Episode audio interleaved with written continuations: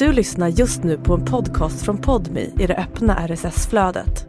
För att få tillgång till Podmis alla premiumpoddar helt utan reklam, prova Podmi Premium kostnadsfritt. Ladda ner appen i App Store eller Google Play. Sambomordet i Landskrona.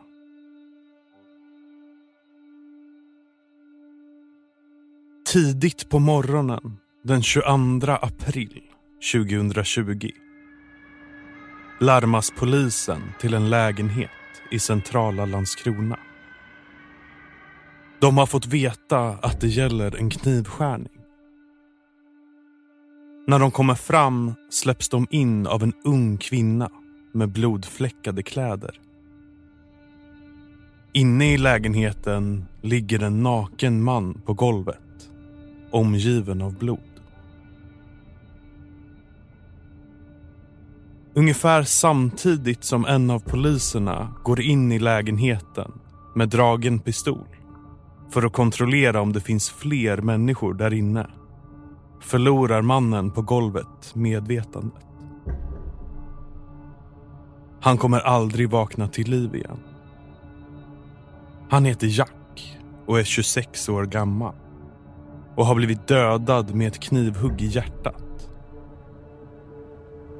I diskhon i köket hittar polisen en blodig rosa brödkniv. Du lyssnar på Svenska mordhistorier med mig, Kristoffer Holmberg.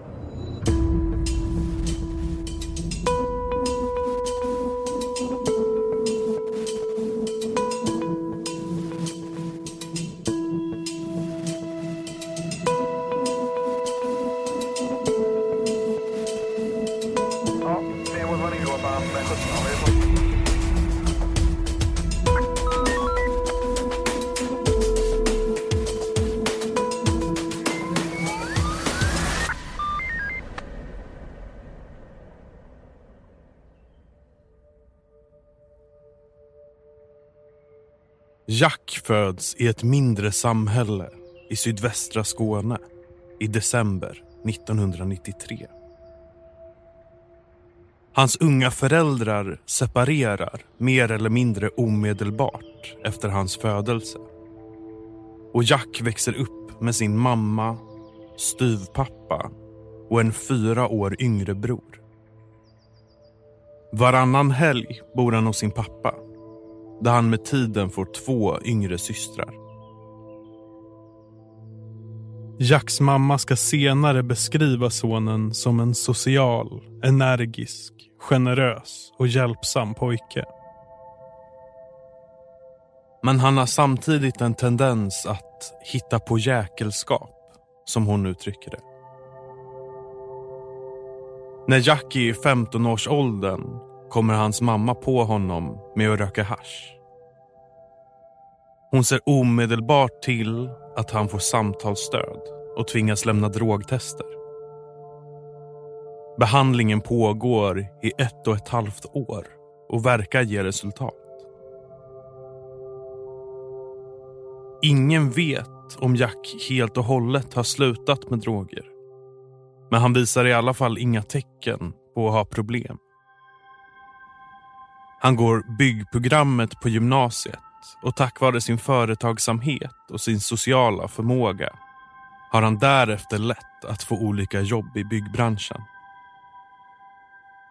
När han är 21 år flyttar han även hemifrån och blir sambo med flickvännen Jessica.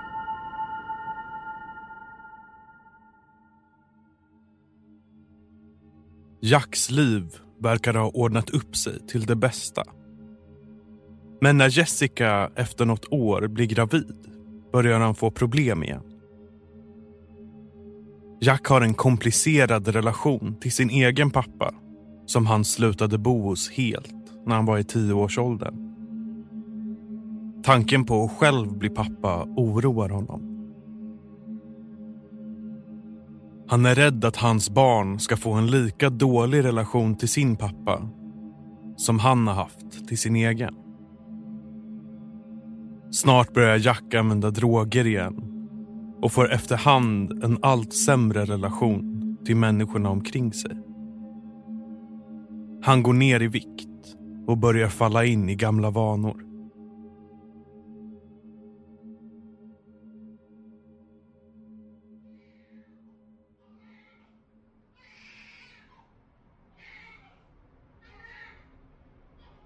–2016 kommer Jacks son Hugo till världen.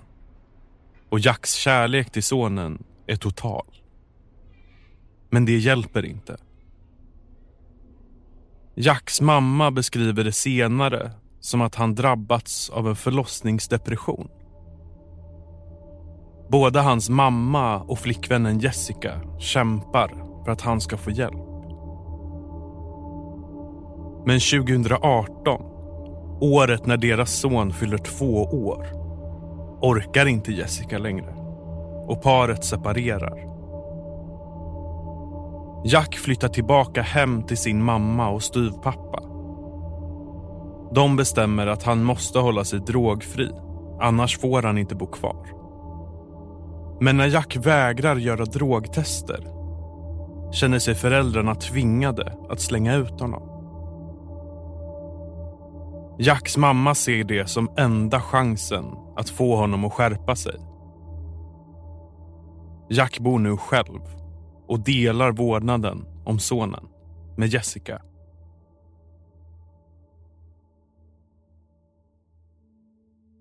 Trots Jacks oro över att bli en dålig pappa är sonen Hugo nu i själva verket en av få personer som Jack verkligen har en bra relation till.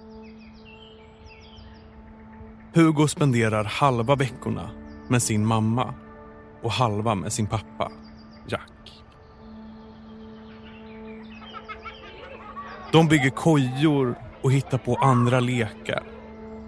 Och under sensommaren 2019 märker Jacks anhöriga att han har börjat ta hand om sig själv igen. Han jobbar, sköter sig och går upp i vikt. Han börjar dessutom planera och starta en byggfirma tillsammans med en kompis. Det ser på många sätt ut som att Jacks liv som småbarnspappa håller på att ordna upp sig.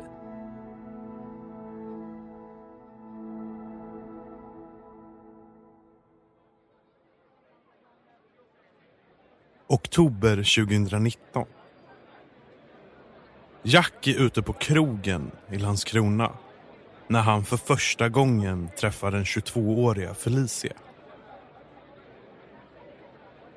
Felicia ska senare berätta att hon fick syn på Jack när han precis skulle bli omhändertagen av polisen för fylleri. Hon och hennes vänner gick då fram och pratade med poliserna och lovade dem att ta hand om den berusade Jack. Sen tog de med Jack hem till en av hennes tjejkompisar. Efter utekvällen börjar Jack och Felicia umgås. Och snart blir de kära i varandra. Berättelsen om Jacks nya kärlek Felicia börjar i slutet av 1990-talet på en ögrupp i Stilla havet. När hon är bebis tar hennes biologiska mamma med henne till en nattklubb. Och när mamman ska gå hem glömmer hon kvar sin dotter. Nattklubben drivs av en dansk kvinna. Hon får syn på det lilla barnet och det slutar med att hon och hennes man adopterar den lilla Felicia och flyttar hem till Danmark. Men av polisutredningen som långt senare kommer göras framgår att Felicias barndom inte blev så trygg som hennes adoptivmamma kanske hade hoppats. Adoptivmamman går bort efter bara några år och hennes man jobbar till sjöss och har inte möjlighet att ta hand om ett barn. Därför växer Felicia upp hos sin danska adoptiv...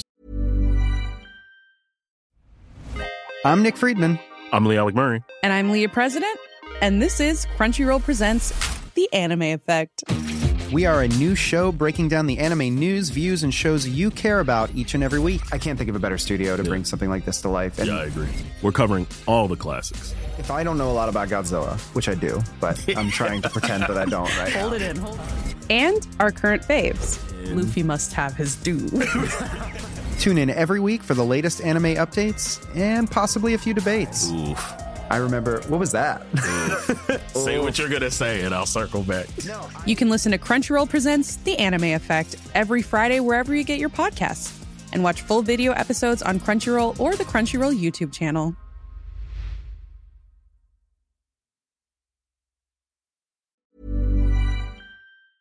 syster innan hon i tonåren flyttas till ett fosterhem.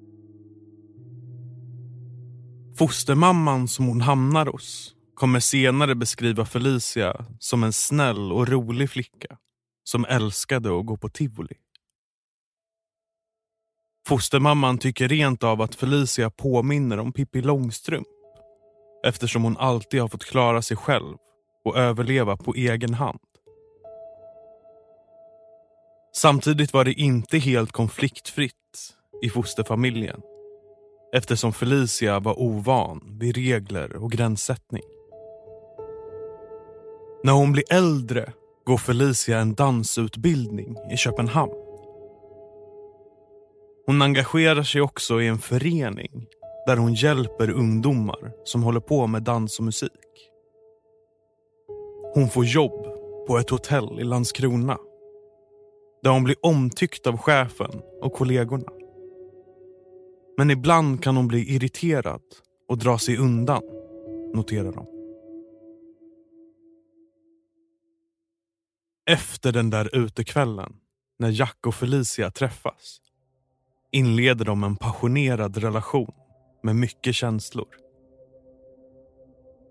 Felicia ska senare beskriva deras förhållande som en berg och dalbana från början till slut.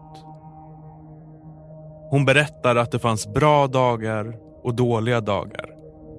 Men att förhållandet i slutändan inte var bra för någon av dem.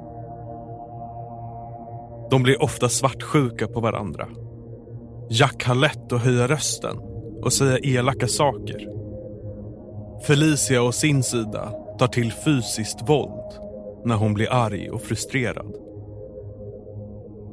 Vid ett tillfälle säger hon sig själv också ha blivit slagen av Jack. Då dyker hon upp hemma hos sin vuxna systerson mitt i natten med näsblod och en svullen läpp.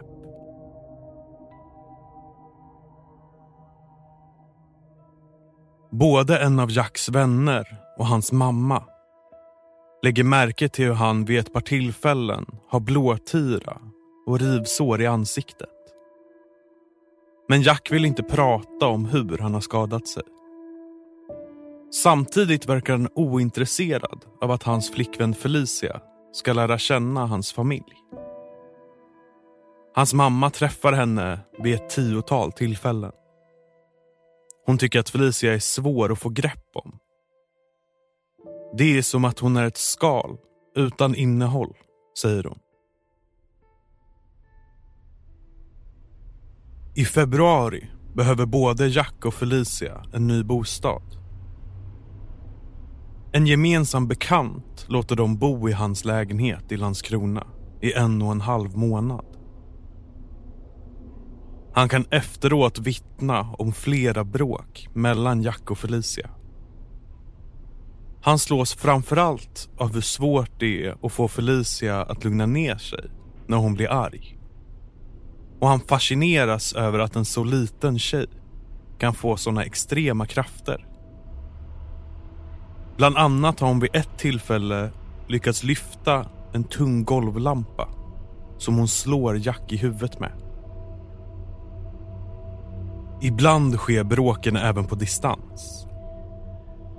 I mitten av mars har paret ett långt sms-gräl. Paret har separerat tillfälligt. De bråkar om att Felicia ska hämta sina jobbkläder hos Jack och Felicia blir hotfull. Här följer ett sammanfattat utdrag ur deras konversation. Felicia. Kan du ge mig mina grejer då? Jack. Kan du andas och träffa mig och prata normalt utan att skrika och slåss? Felicia. Nej. Jack. OK. Felicia. Hej fucking då. Jack. Vakna på rätt sida. Felicia. Hoppas du fucking dör. Hör av mig på din begravning. Jack. Okej. Okay. Felicia. Stick och fucking dö. Jack. Okej. Okay. Jag älskar dig. Hej då. Felicia. Horunge. I slutet av mars har paret blivit tillsammans igen och flyttar in i en vindslägenhet i centrala Landskrona som Felicia har hittat på Blocket. Jacks son Hugo har hunnit bli tre år och bor fortfarande halva veckorna hos honom. Därför fixar de också ett rum som Hugo ska bo i de dagar han är där.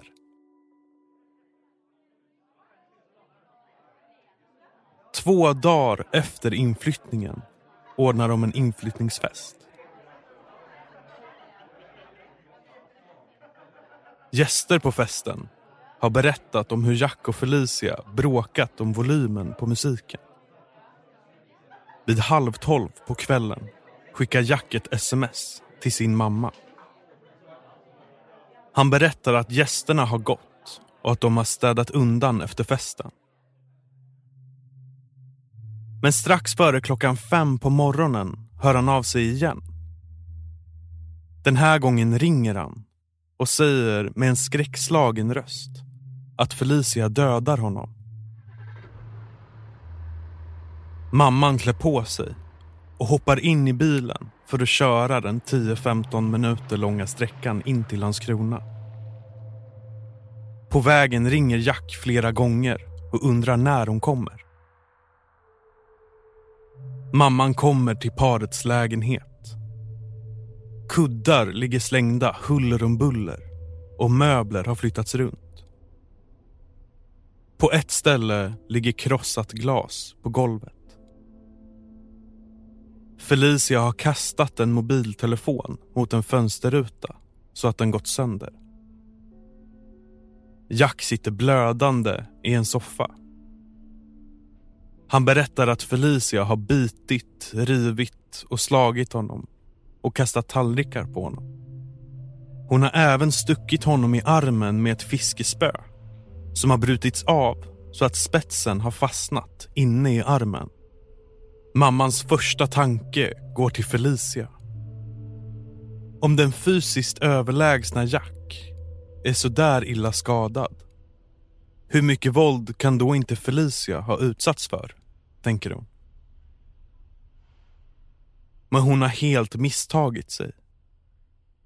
När hon går in i sovrummet sitter Felicia på sängen utan en synlig skråma på kroppen.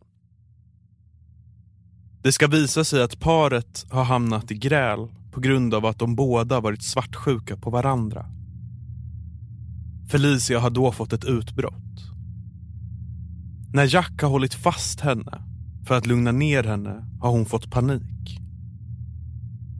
Hon behöver space när hon är så där upprörd, förklarar hon. När Jacks mamma ska gå vill hon att antingen Jack eller Felicia följer med henne så att det inte blir något nytt bråk den här morgonen. Men de bedyrar att de har lugnat ner sig.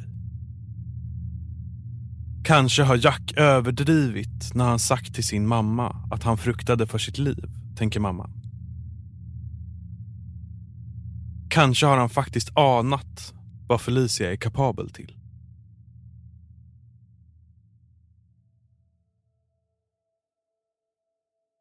Ett par veckor senare säger Jack till sin mamma att han ska göra slut med Felicia. Han väntar på att han och hans kompis ska få sin nystartade byggfirma registrerad.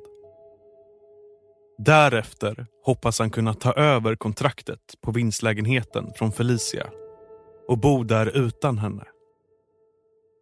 Felicia är för galen för att leva tillsammans med, tycker han. Samtidigt anförtror sig Jack åt en tjejkompis. Han säger att han är rädd för Felicia.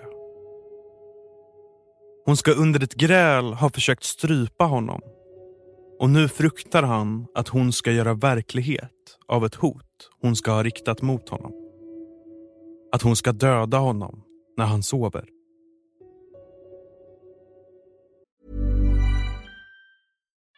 We love our pets, but when the floor is covered in fur, that's harder to love. Eufy X10 Pro Omni Robot Vacuum has powerful 8000 PA suction to make hair vanish from floors in just one pass. Plus, the roller brush has automatic detangling for easy hands free maintenance. Want to know more? Go to eufy.com, that's EUFY.com, and discover X10 Pro Omni, the best in class all in one robot vacuum for only $799. Overdraft fees are just the worst. Get up to $200 in fee-free overdraft with a Chime checking account. Sign up today at Chime.com slash Goals24. Banking services and debit card provided by the Bancorp Bank N.A. or Stride Bank N.A. Members FDIC. Spot me eligibility requirements and overdraft limits apply.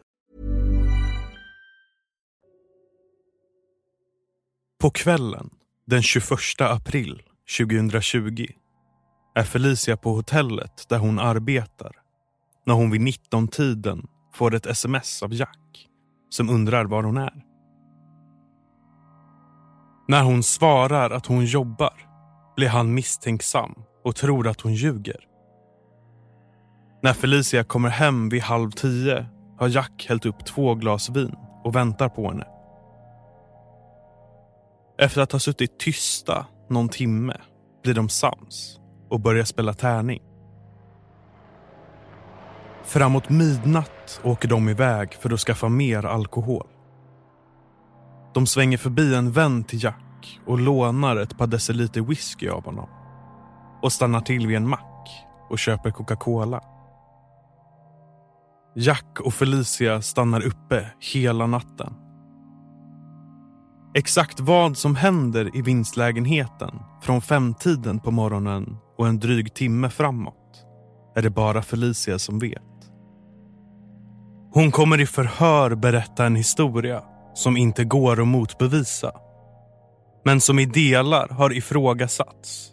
Både av Jacks anhöriga och av polis och åklagare.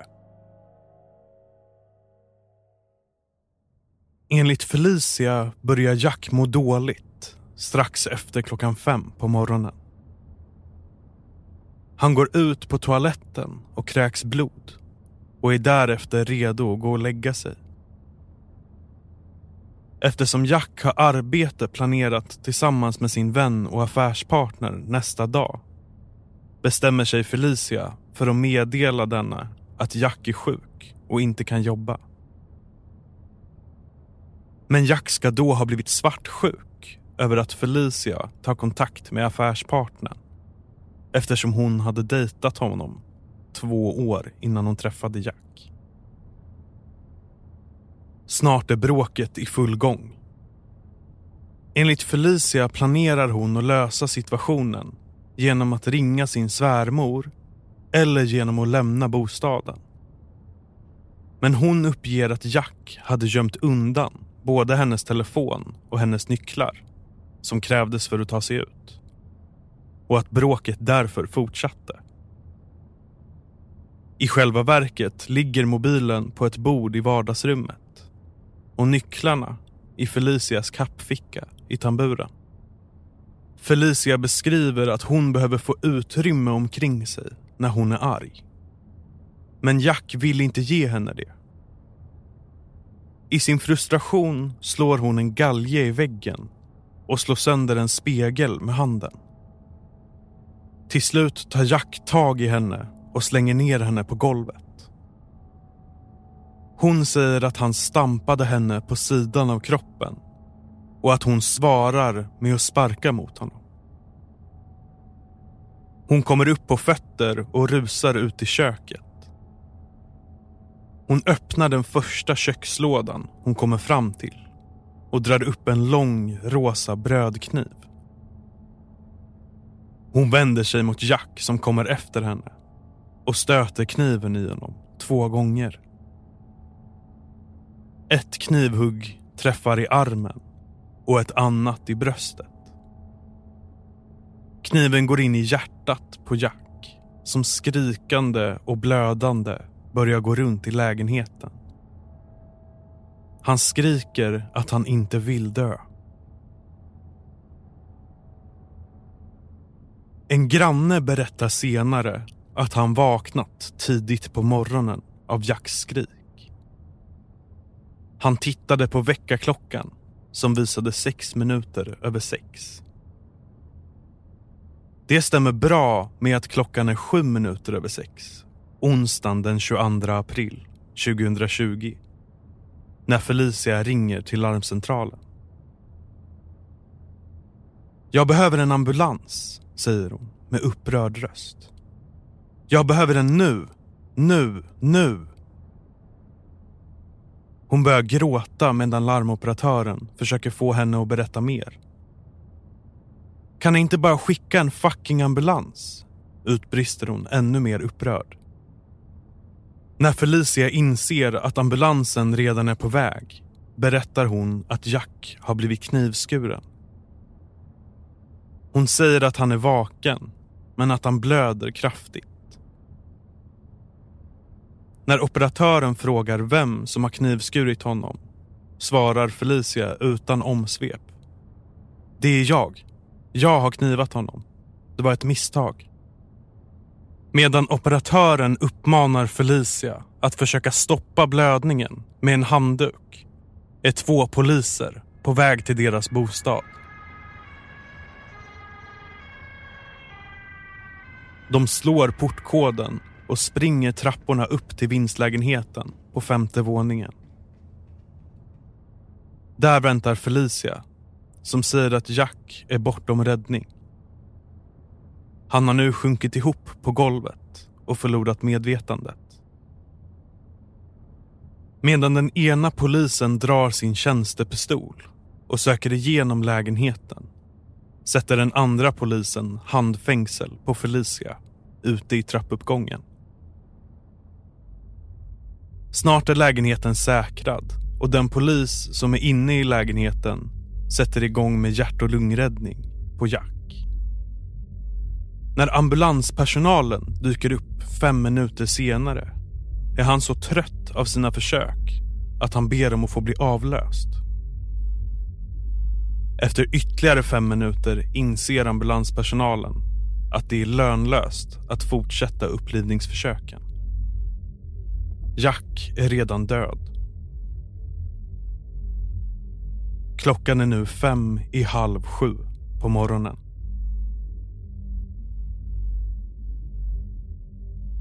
Under tiden anhålls Felicia och förs till arresten i Helsingborg där polisen håller ett första förhör med henne.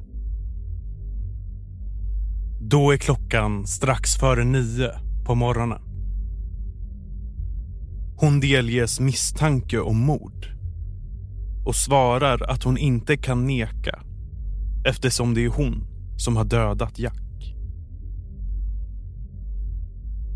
Först vid halv fyra på eftermiddagen, nästan nio timmar efter Felicias desperata larmsamtal, går polisen ut med information till allmänheten.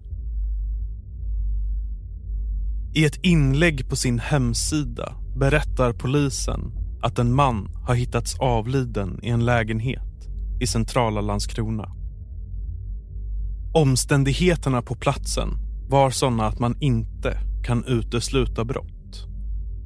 Och en kvinna är gripen och anhållen, meddelar man. Strax efteråt rapporteras samma sak i media som nu kan tillägga att mannen är i 25-årsåldern och att han och den anhållna kvinnan har en relation. Två dagar senare häktas Felicia av Lunds tingsrätt. Under förhören berättar hon sakligt om sin och Jacks relation och om natten då allt gick fel. Men när förhörsledaren frågar henne om detaljer och hon känner sig pressad visar hon tydliga tecken på att brusa upp. Hon kan inte heller ge något tydligt motiv till varför hon dödade Jack. Mer än att det bara hände. Ett brev som Felicia skriver till den döde pojkvännen från häktet i maj visar tecken på de många motstridiga känslor hon har för honom. Hon skriver Min pojkvän, min sambo, min fiende, min allra bästa vän. Jag hoppas att du och din familj någon gång kan förlåta mig för min handling. Jag hoppas du kollar ner på mig med kärlek och inte med hat. I brevet avslöjar Felicia också något som kommer att leda till tidningsrubriker när polisutredningen så småningom blir offentlig.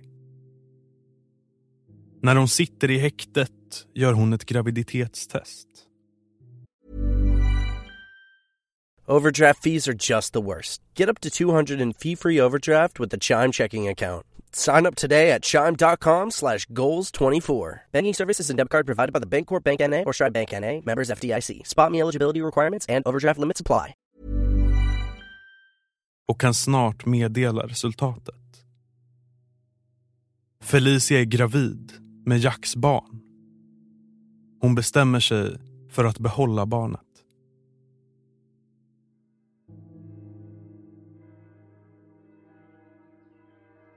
Den 10 juli begravs Jack i hemorten utanför Landskrona.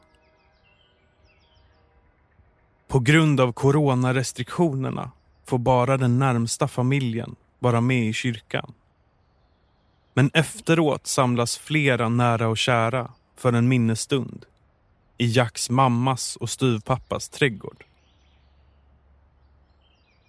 Familjefoton visar hur Jacks nu fyraåriga son Hugo busar runt och leker vattenkrig med de svartklädda begravningsgästerna. Bilder där liv och död, sorg och glädje möts i ett och samma ögonblick.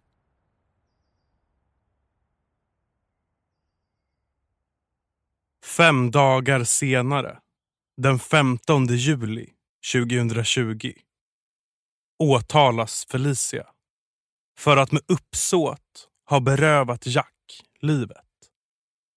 Det innebär att åklagaren anser att hon antingen har stuckit kniven i hans bröst för att döda honom eller har gjort det utan att bry sig om ifall han skulle överleva eller inte. Därmed ska hon enligt åklagaren också dömas för mord. Den 29 juli 2020 inleds rättegången i Lunds tingsrätt. När Kvällspostens reporter Sanna Hjalmarsson rapporterar från rättssalen beskriver hon Felicia som märkbart tagen där hon sitter insvept i en kofta med händerna för ansiktet. Bara några meter ifrån henne sitter Jacks föräldrar som är där som målsägande. När larmsamtalet hon själv ringde direkt efter mordet spelas upp i rättssalen bryter Felicia ihop och börjar gråta. Hennes försvarare avbryter uppspelningen och ber om att hon ska få lämna rättssalen för att slippa lyssna. Kvällsposten beskriver också hur Felicia senare har samlat sig och kan lämna sin berättelse för tingsrätten. Hon berättar enligt reporten lugnt och sakligt om hennes och Jacks liv tillsammans. Utan att en enda gång möta hans föräldrars blick i rättssalen. Men när det blir dags att berätta om natten till den 22 april Natten som slutade med att hon stack kniven i Jacks bröst bryter Felicia ihop igen. Felicia får frågor från åklagaren om de hotfulla sms hon skickat i mitten av mars. Hon svarar att hon inte menade något med dem. Hon får också frågan om varför hon stuckit kniven i Jack. Hon svarar att det bara hände.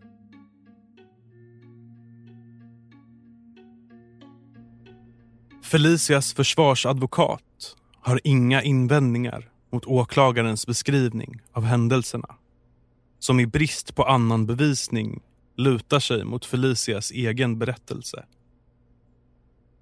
Men till skillnad från åklagaren menar han att gränsdragningen mellan mord och dråp inte går att göra i fallet.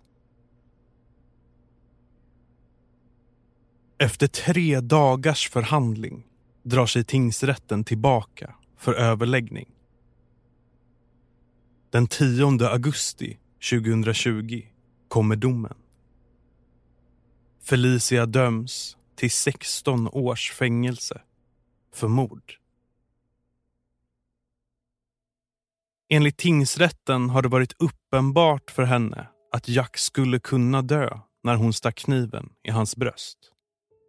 Felicia anses därför ha varit likgiltig för om han skulle dö eller inte. Vilket juridiskt innebär att hon begått brottet med så kallat likgiltighetsuppsåt. Det är det som gör att hon döms för mord och inte dråp.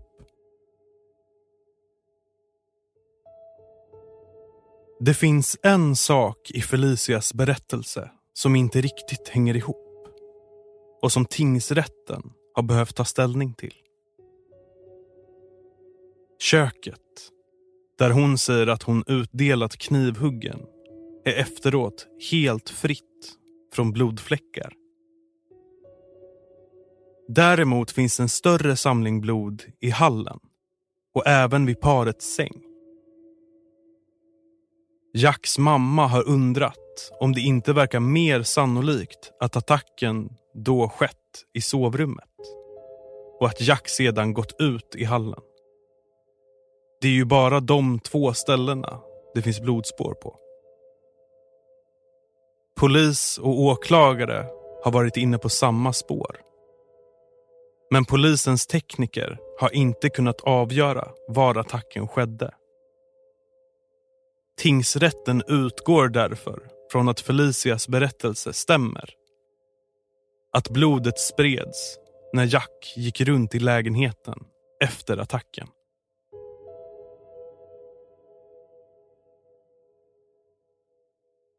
Med en ny advokat vid sin sida överklagar Felicia målet till hovrätten.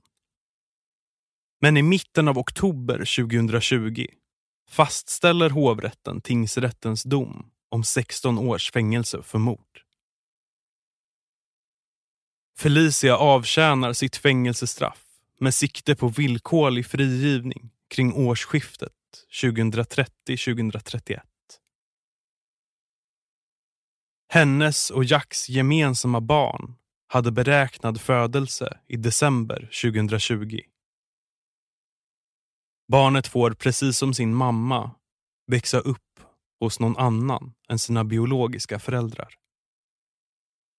Samtidigt försöker Jacks familj bearbeta traumat och påbörja ett nytt liv utan Jack.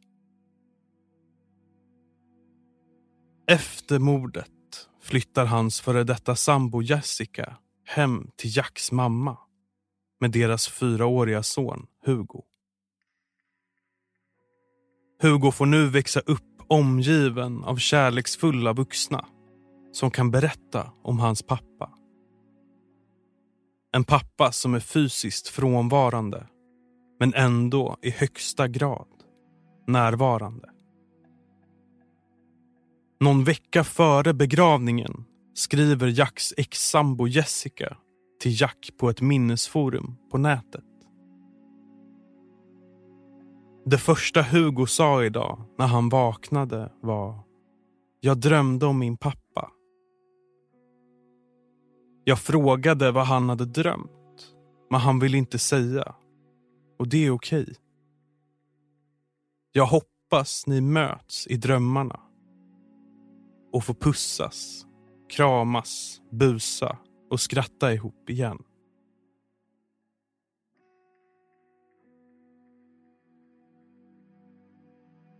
Du har lyssnat på Svenska mordhistorier med mig, Kristoffer Holmberg. Manusförfattare är Per Johansson. Alla namn i det här avsnittet är fingerade. Källorna för avsnittet kan du läsa på podmy.com snedstreck svenska bindestreck mordhistorier. Svenska mordhistorier görs av podcastbolaget Creedcast exklusivt för Podme.